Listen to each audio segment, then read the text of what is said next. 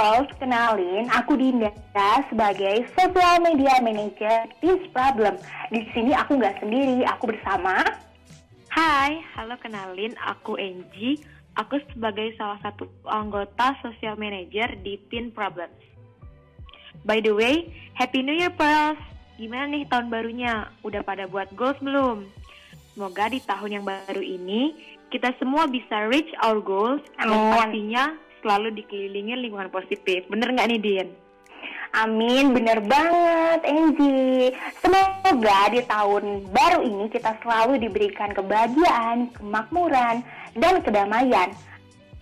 Serta dapat mencapai semua impian dan selalu diiringi dengan positif energi.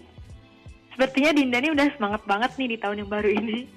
iya, guys. Ngomongin tahun 2020 lalu nih, aktivitas kita kan beralih ke online. Kamu juga ke online kan semua, Din? Iya, iya banget.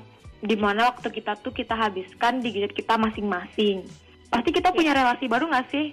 Kalau kamu gimana punya relasi baru nggak sih kayak ketemu orang-orang yang belum pernah kamu temuin? Karena semuanya kan main gadget nih. Iya. Iya, relasi. Pernah nggak sih muncul kayak perasaan nggak pede gitu? Sering banget, apalagi ngelihat sosial media yang terlalu luas, jangkauan yang lihat rupawan sama fisik seseorang yang lebih baik dari kita. Bener. So, Kalau kamu gimana nih, Din? Pernah nggak ngerasa kayak gitu juga? kalau aku, of course, aku pernah banget ngerasa kayak gitu. Ngerasa nggak pede sama diriku. Yang paling aku nggak pede sama diriku, you have to know ya semua yang ada di sini.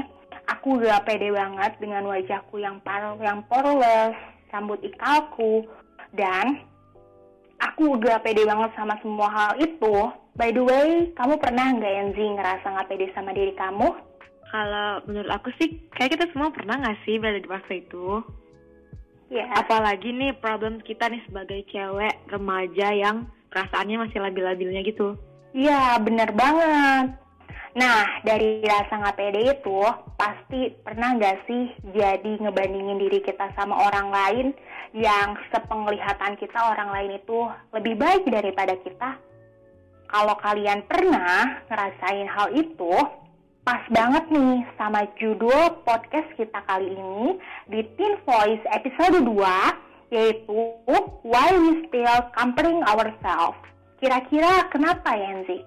Tahu nggak? Kalau menurut pengalaman pengalaman aku nih, terus pengalaman teman-teman yang aku pernah lihat nih teman-teman dekatku, seringnya kita bandingin diri kita itu karena insecure nggak sih? Kayak merasa diri kita tuh kurang aja, kita tuh selalu ngelihat ngelihat kelebihan orang lain gitu loh. Tapi kita ngebandinginnya Oh. sama kekurangan kita nggak sih? Iya, jadinya jomplang gitu kan? Iya iya kayak nggak adil gitu loh. Iya. Jadi sometimes tuh pas aku em, mikir ngebandingin diri gitu loh, kadang tuh aku kayak kenapa aku bandingin diri aku sama dia ya kayak ah, kayak dia tuh kan stranger gitu ya buat apa gitu kan? iya. Dan gak adil banget gak sih kalau misalkan kita bandingin kekurangan kita, tapi kita ngelihatnya kelebihan orang lain. Gak adil banget pastinya. Tampaknya, Paus, kita sering banget kan mendengar kata-kata nggak pede, insecure, dan lain-lain. Tapi yang namanya manusia, terkadang ada aja momen itu terjadi. Dan pasti terjadi. Kayak makanan kita sehari-hari gitu kan ya, Zi? Iya iya iya. Kayak sehari-hari kita pasti pernah gak sih? Of course, pernah. Bahkan sebenarnya bibit budaya perbandingan ini udah tumbuh sejak kecil dalam lingkup keluarga kita loh. Terlebih lagi dalam zaman saat ini, media sosial sudah memudahkan mengakses berbagai informasi.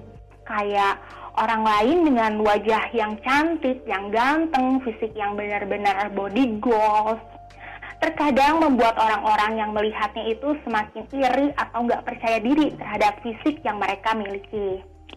Tahu nggak sih, Paus, di sini alasan apa yang paling mendasar kenapa sih kita nggak pede? Karena kita sering membandingkan diri orang lain adalah untuk mencari kepastian dan pengakuan bahwa diri kita itu lebih baik dibanding orang lain. Selain itu, perasaan yang tidak pernah puas atas apa yang dimiliki membuat kita sering membandingkan diri. dengan orang lain pastinya. Nah, kebanyakan orang tuh cuma ngebandingin dirinya dengan orang lain tanpa mau berusaha untuk intro, introspeksi diri untuk menjadi lebih baik. Hal ini membuat orang itu semakin terjebak dan semakin frustasi terhadap keadaannya. Oleh karena itu, ayolah dan cobalah kita untuk melihat kembali dan kenali diri kita sendiri seutuhnya. Kita lebih mensyukuri apa yang kita miliki dan kita selalu dilingkupi oleh positif energi setiap harinya. Kayak gitu sih. Bener-bener bener tapi dengar kamu ngomong gitu ya aku jadi pengen cerita deh. Pengalaman pengalaman yang bikin aku masih inget dulu sampai sekarang. kayak oh iya. Jadi itu dulu tuh kayak uh, kalau misalkan akan aku punya badan yang proporsionalnya nggak badanku nggak proporsional gitu loh. Jadi aku tuh mm agak pendek sama uh, agak kurus gitu loh. Mungkin orang lihatnya oh. agak kurus ya. Mm. tapi aku ngerasa pas gitu loh. Jadi setiap aku hmm? ke rumah saudaraku nih terus ada kayak tanteku gitu lah kayak suka basa-basi gitu loh. Tapi basa-basinya itu kayak nggak enakin gitu loh kayak kok kurusan? Tau gak sih? Kamu pernah gak sih? Pernah pasti nggak enak banget deh digituin. Ya, ya kayak mereka tuh pengen asik tapi jadi kayak bikin sakit hati gitu iya. loh. Iya gak sih? Asik tapi nusuk. Iya. Terus Iya. Kayak mereka tuh nggak ketemu kita yang setiap hari gitu loh kayak beberapa bulan baru ketemu terus pas ketemu tiba tiba-tiba ngomong kayak gitu. Jadi kan kita kan hmm. kan kayak ini orang kenapa ya baru-baru ketemu terus kayak ngomong langsung ke fisik gitu. Jadi bawaannya bad mood kan setiap iya, harian itu. itu. Sehari bener bener bener bener. Aku sehari tuh kayak emang iya emang iya gitu loh yeah. bener-bener oh kayak emang iya aku kadang-kadang ngaca deh di kamar saudaraku kayak emang iya ya emang yeah. iya hmm. gitu jadi dengan itu tuh aku jadi sekarang tuh di 2021 ini menyibukkan uh, kegiatan-kegiatan yang aku suka gitu kayak sekarang tuh aku lagi coba ngelukis skateboard Wah, wow, kayak, keren banget iya, tuh. Biar kayak gak kepikiran gitu loh, kayak kalau misalkan ada orang orang orang ngomong kayak gitu, kok urusan aku tuh sama kawan cuma bilang kayak iya, iya, gitu-gitu Jadi, jadi dengan melakukan aku melakukan kegiatan yang aku suka ini, aku jadi nggak mikir-mikir itu lagi. Jadi, jadi gak, lebih uh, ke positif jadi fokus, energi ya. Iya nggak fokus ke uh, negatif-negatif aja, tapi aku mikir kalau ada loh hal yang lebih berma lebih bermanfaat dari sekedar mikirin itu terus. Benar. Benar. Terus aku tuh selalu nyimpan quote aku tuh penyimpan quote quote gitu loh kayak kalau aku galau aku punya. Wow. aku insecure aku punya gitu loh. Keren banget. Iya bener banget. Karena kan aku kan uh, gadget gitu gadget banget nih orangnya. Yes, jadi aku tuh kayak suka ngeliat lagi insecure aku lihat ah quote quote quote quote yang aku simpen. Wow. Ada nih salah satu. contoh nih prof. Bener-bener. Jadi kita tuh rasanya tuh kayak ada orang yang ngomong gitu kalau kita tuh ngeliat gambar gitu gambar quote itu buat semangatin diri. Jadi ada nih quote yang aku suka. Don't limit your challenge challenge your limit. Bener gak sih? Kayak kita jangan membatasi oh, bener banget. tantangan kita tapi tantanglah itu gitu. Iya. Terus itu tuh salah satu goals aku di 2021 ini untuk lebih fokus ke diri sendiri dan cari pengalaman. Wow. Semoga kecapaian ya amin amin. Masih belajar nih guys. Amin Nah, bener banget tuh Paus kata Enzi. Don't limit your challenge, challenge your limit. By the way, aku ada tips nih untuk Paus di sini dalam self love. Yang paling utama adalah kenali siapa dirimu sebenarnya. Ini paling paling paling penting yang harus kalian pegang untuk masuk ke dalam tahap self love. Nah, di sini aku mau cerita juga nih tentang diriku. Apa tuh? Aku tuh tahu sekarang kekuranganku dan kekuranganku malah aku jadikan power untuk lebih spesial dari yang lain. Kenapa aku tahu kekuranganku dan aku jadikan power? Karena balik lagi nih, karena aku sudah sudah mengetahui siapa diri aku sebenarnya. Nah, kalian harus tahu nih ya, seperti waktu SMP dulu, aku mau flashback nih. Kalian harus seru, seru nih ya. Seru nih, seru nih. Seru banget. seru banget. Ini aku baru pertama kali cerita ke publik nih. Oh ya? Iya, baru pertama perdana kali. loh nih, perdana. Perdana, in the first time in forever. Dulu tuh, aku SMP gak suka banget sama rambut wavy ku. Karena aku tuh suka sama rambut yang lurus, yang gampang diatur. Ngeliat rambut teman-teman aku yang lurus. Iya iya iya pasti kan rambut. Ah, ah. rasanya tuh kayak enak banget punya rambut lurus, lepek tipis kayak gitu. Heeh. Sam- Sampai-sampai aku akhirnya tuh ke salon buat potong rambut tuh sore-sore jam 5 sore salon deket rumah. Ingat nggak tuh? Ingat nggak tuh? Ingat Jamnya loh. Iya jam ya, inget banget. Dan salonnya itu baru buka. Terus lagi cuci rambut, si mbaknya tuh bilang, Adi rambutnya ikal ya? Iya mbak, mau di rebonding aja sekalian kata si mbaknya. Apa? Dibilang gitu? Iya, mau di rebonding aja sekalian. Dia bilang kayak gitu. Aku jawab, enggak deh mbak, nanti aja sambil senyum di situ. Padahal di situ aku udah kesel, kok si mbak ngomong kayak gini? Iya kan? Lu siapa gitu kan? Lu siapa? Iya bener banget, ini rambut gua kan. Iya, akhirnya di situ tuh aku gak mau di rebonding karena di situ tuh aku takut rambutku malah semakin rusak. Kalau rambut aku rusak, siapa yang tanggung jawab Hmm, selain dia mbak, mbak itu sendiri? ya. Eh, nggak mungkin mbaknya kan? Mbaknya disuruh. Iya. Namun, tapi lama kelamaan, aku tuh sadar se- semakin aku beranjak gede, semakin aku beranjak dewasa sampai kayak saat ini, aku sadar bahwa aku ini unik juga ya. Jarang-jarang loh cewek punya rambut Iya, kayak aku gini. banget. Orang tuh bisa bayar ke salon mahal-mahal loh buat dapet rambut wavy. Yes, bener banget kan? Iya kan? Iya, bener. Mm-mm, kayak membuat rambut wifi kan. Mm-mm. Terus aku aku pikir aku ini unik juga ya. Udah kayak gitu. Hingga saat ini sampai aku di detik ini, aku itu sangat bangga, aku itu sangat cinta banget sama diri aku sendiri.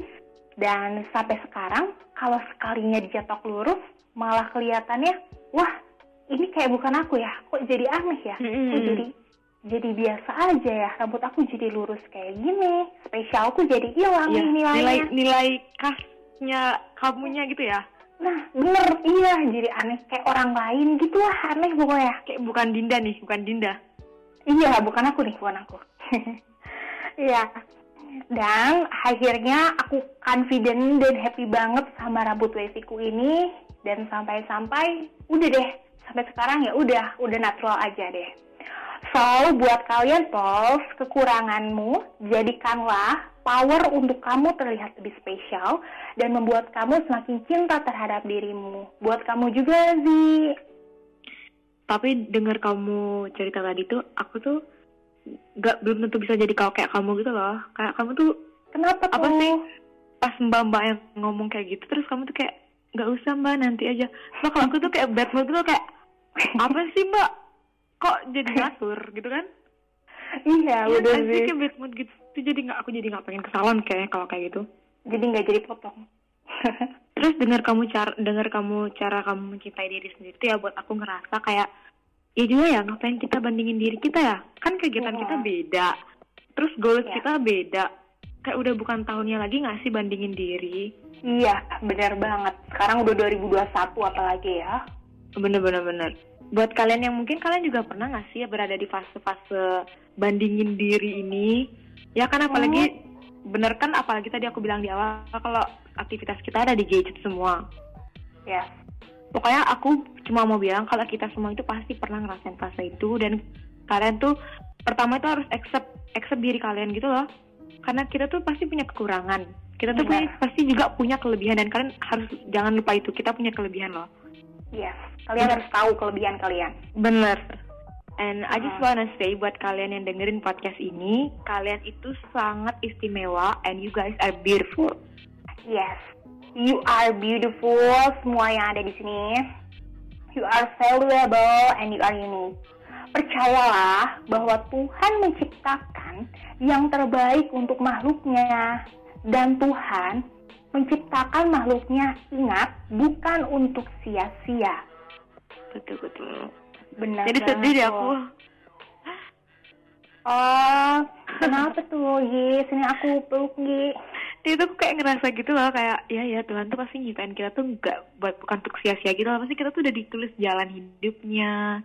Yes benar banget bener kan? Bener banget Tuhan tuh baik punya plan yang terbaik untuk makhluk-makhluknya. Betul betul.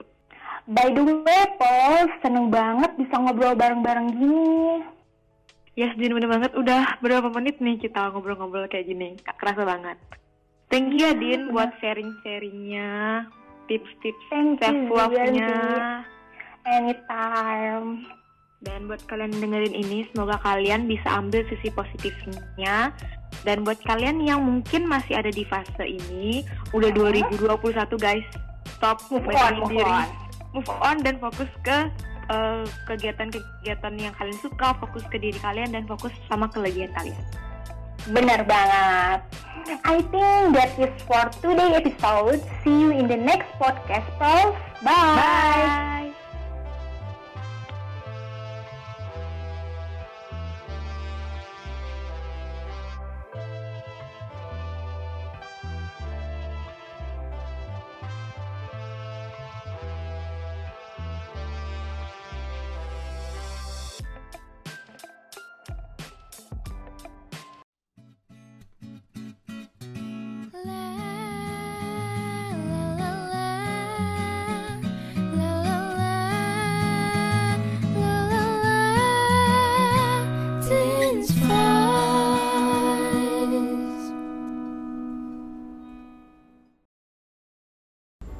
Hai Pearls, welcome back to our podcast. Aku Tiara dari Divisi Social Media Manager di Teen Problems.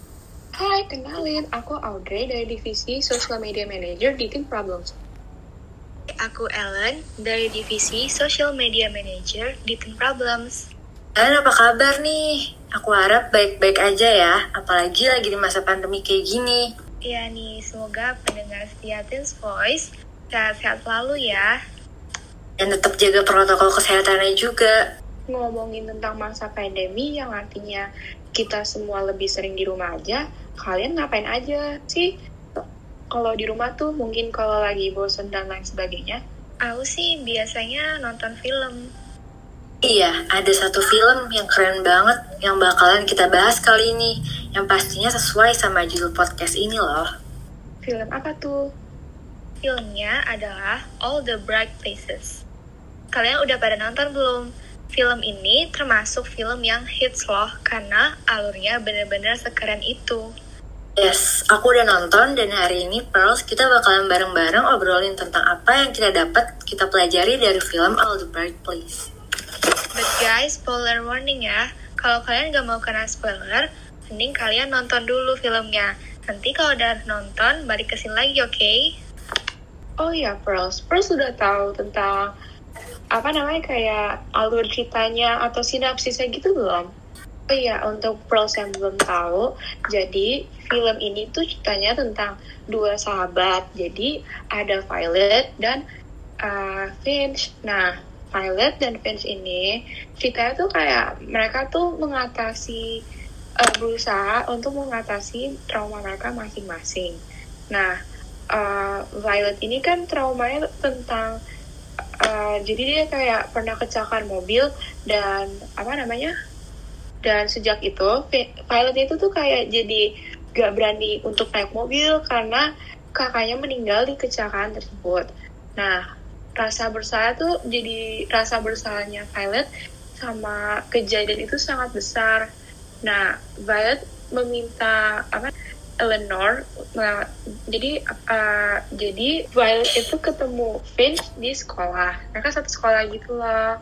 Nah si mereka tuh juga hidup di mereka tuh hidup di bayang-bayang traumanya mereka sendiri. Jadi uh, Violet itu setelah kenal Finch Violet itu jadi lebih berani untuk ber- berani dan dia bisa mengatasi traumanya dia sama ini. Nah, tapi gimana ya? Kalau Finch ini dia tuh anaknya unik gitu. Nah, jadi tuh karena si Finch-nya orang yang unik, dia tuh suka kayak gimana ya? Orang tuh, tuh suka salah paham tentang dia. Oh ya, si Violet itu trauma, dia benar-benar trauma sampai yang kayak uh, dia dia tuh nggak berani naik mobil lagi bener banget jadi setelah nah setelah Violet dan Finch kenal uh, Finch itu tuh kayak membujuk Violet banget untuk naik mobil. Dan akhirnya tuh karena si Finch bujuk dia banget akhirnya si Violet itu berani jadi dia jadi nggak takut lagi. Karena jadi kayak Finch itu berhasil apa ya menyembuhkan traumanya dia selama ini.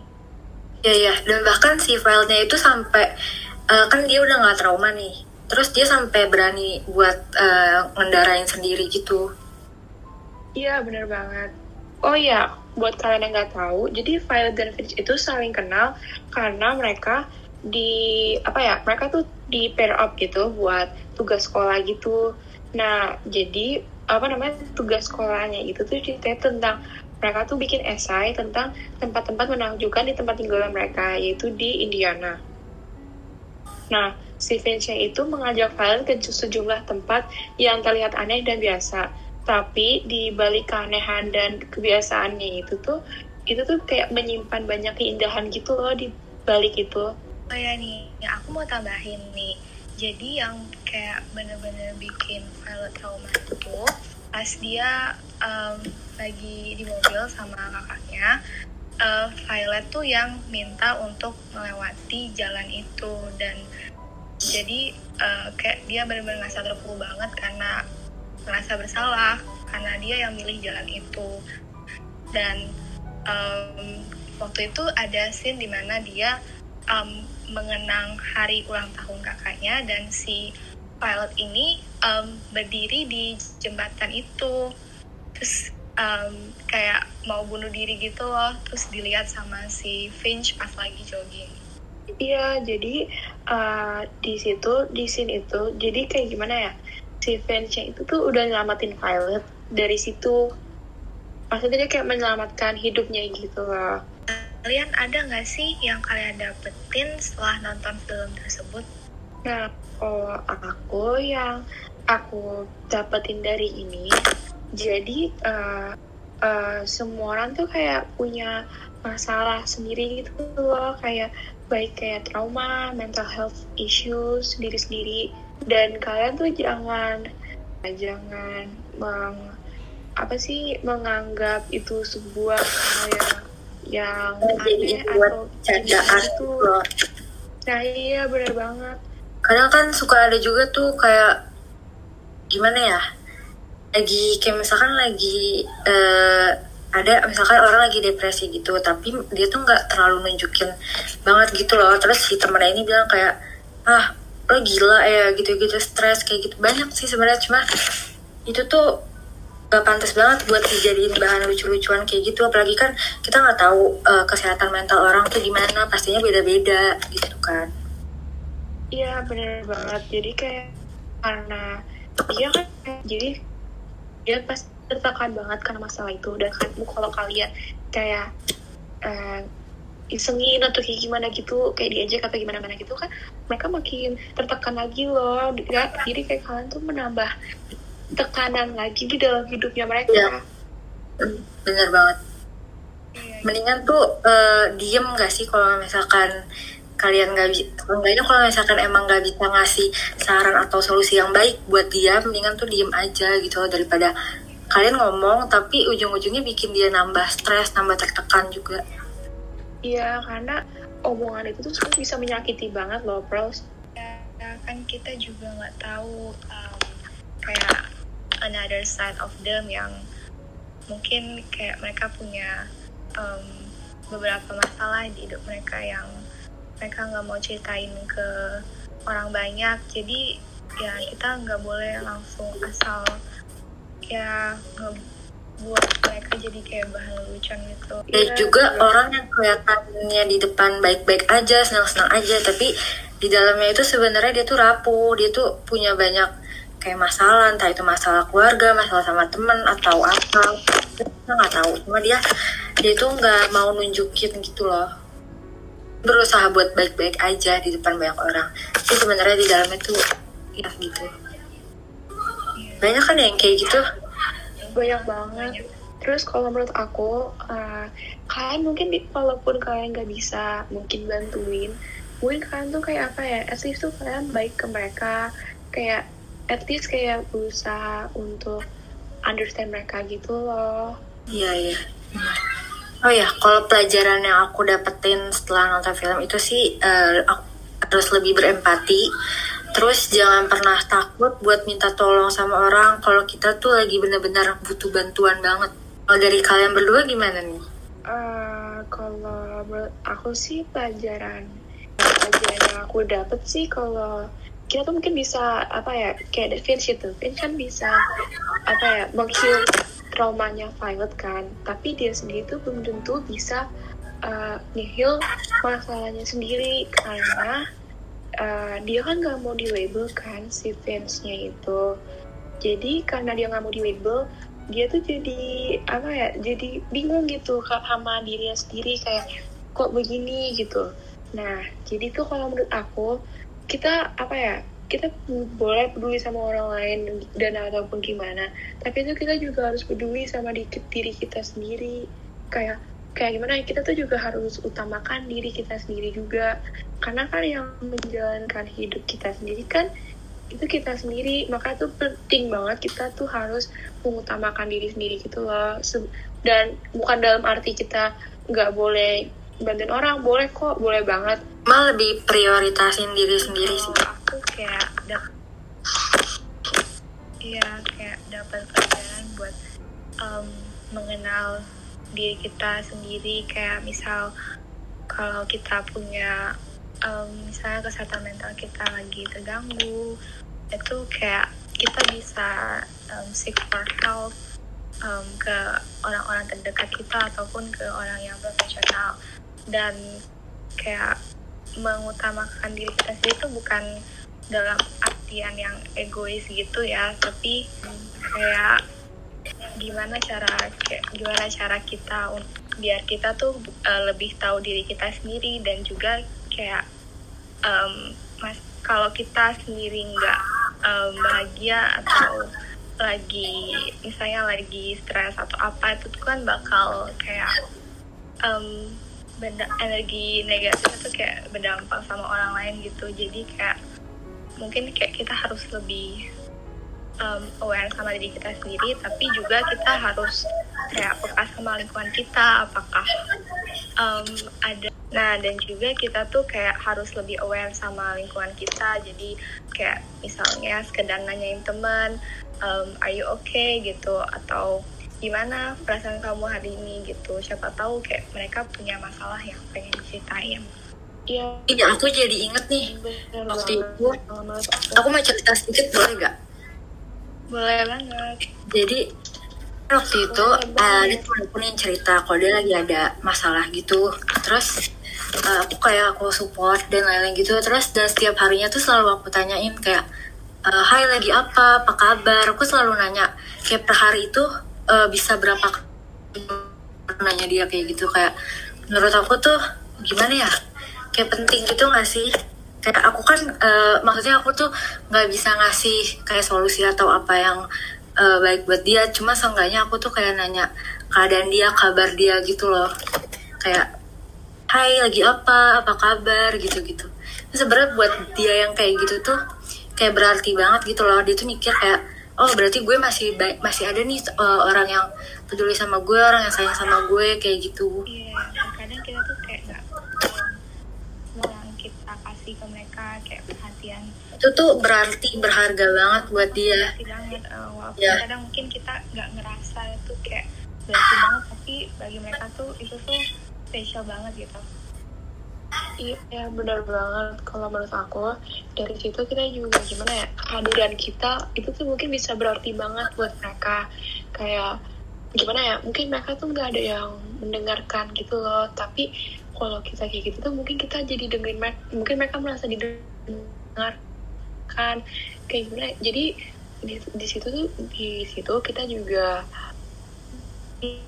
uh, apa namanya kehadiran kita tuh berarti banget. Dan kehadiran mereka juga berarti banget. Dan kalau nanyain kabar atau gimana itu penting banget loh kalau menurut aku. Ya kayak support dari orang-orang terdekat gitu. Iya, karena uh, uh, gimana ya? Gak, menurut aku sih kadang-kadang emang gak semua masalah ada jawabannya.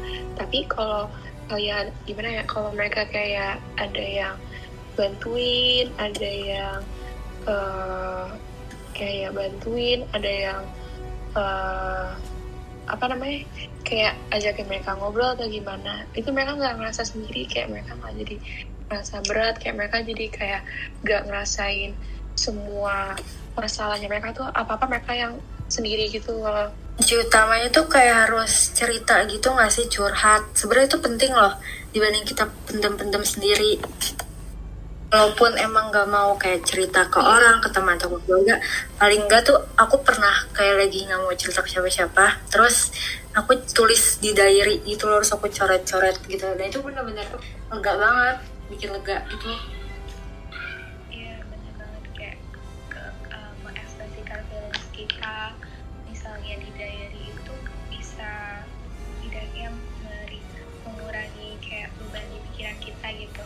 iya iya Iya, karena kadang-kadang kayak kayak masalah kayak gitu tuh jadi beban jadi kita pikirin betul lah. Makanya kita tuh juga harus mencari cara untuk menyalurkan pikiran kita tersebut dalam hal yang positif ya. Kayak ya salah satunya kayak cerita kita ke teman kalian, kayak ke support kayak teman kalian kan itu kayak termasuk salah satu support support kalian mungkin keluarga atau kayak gimana.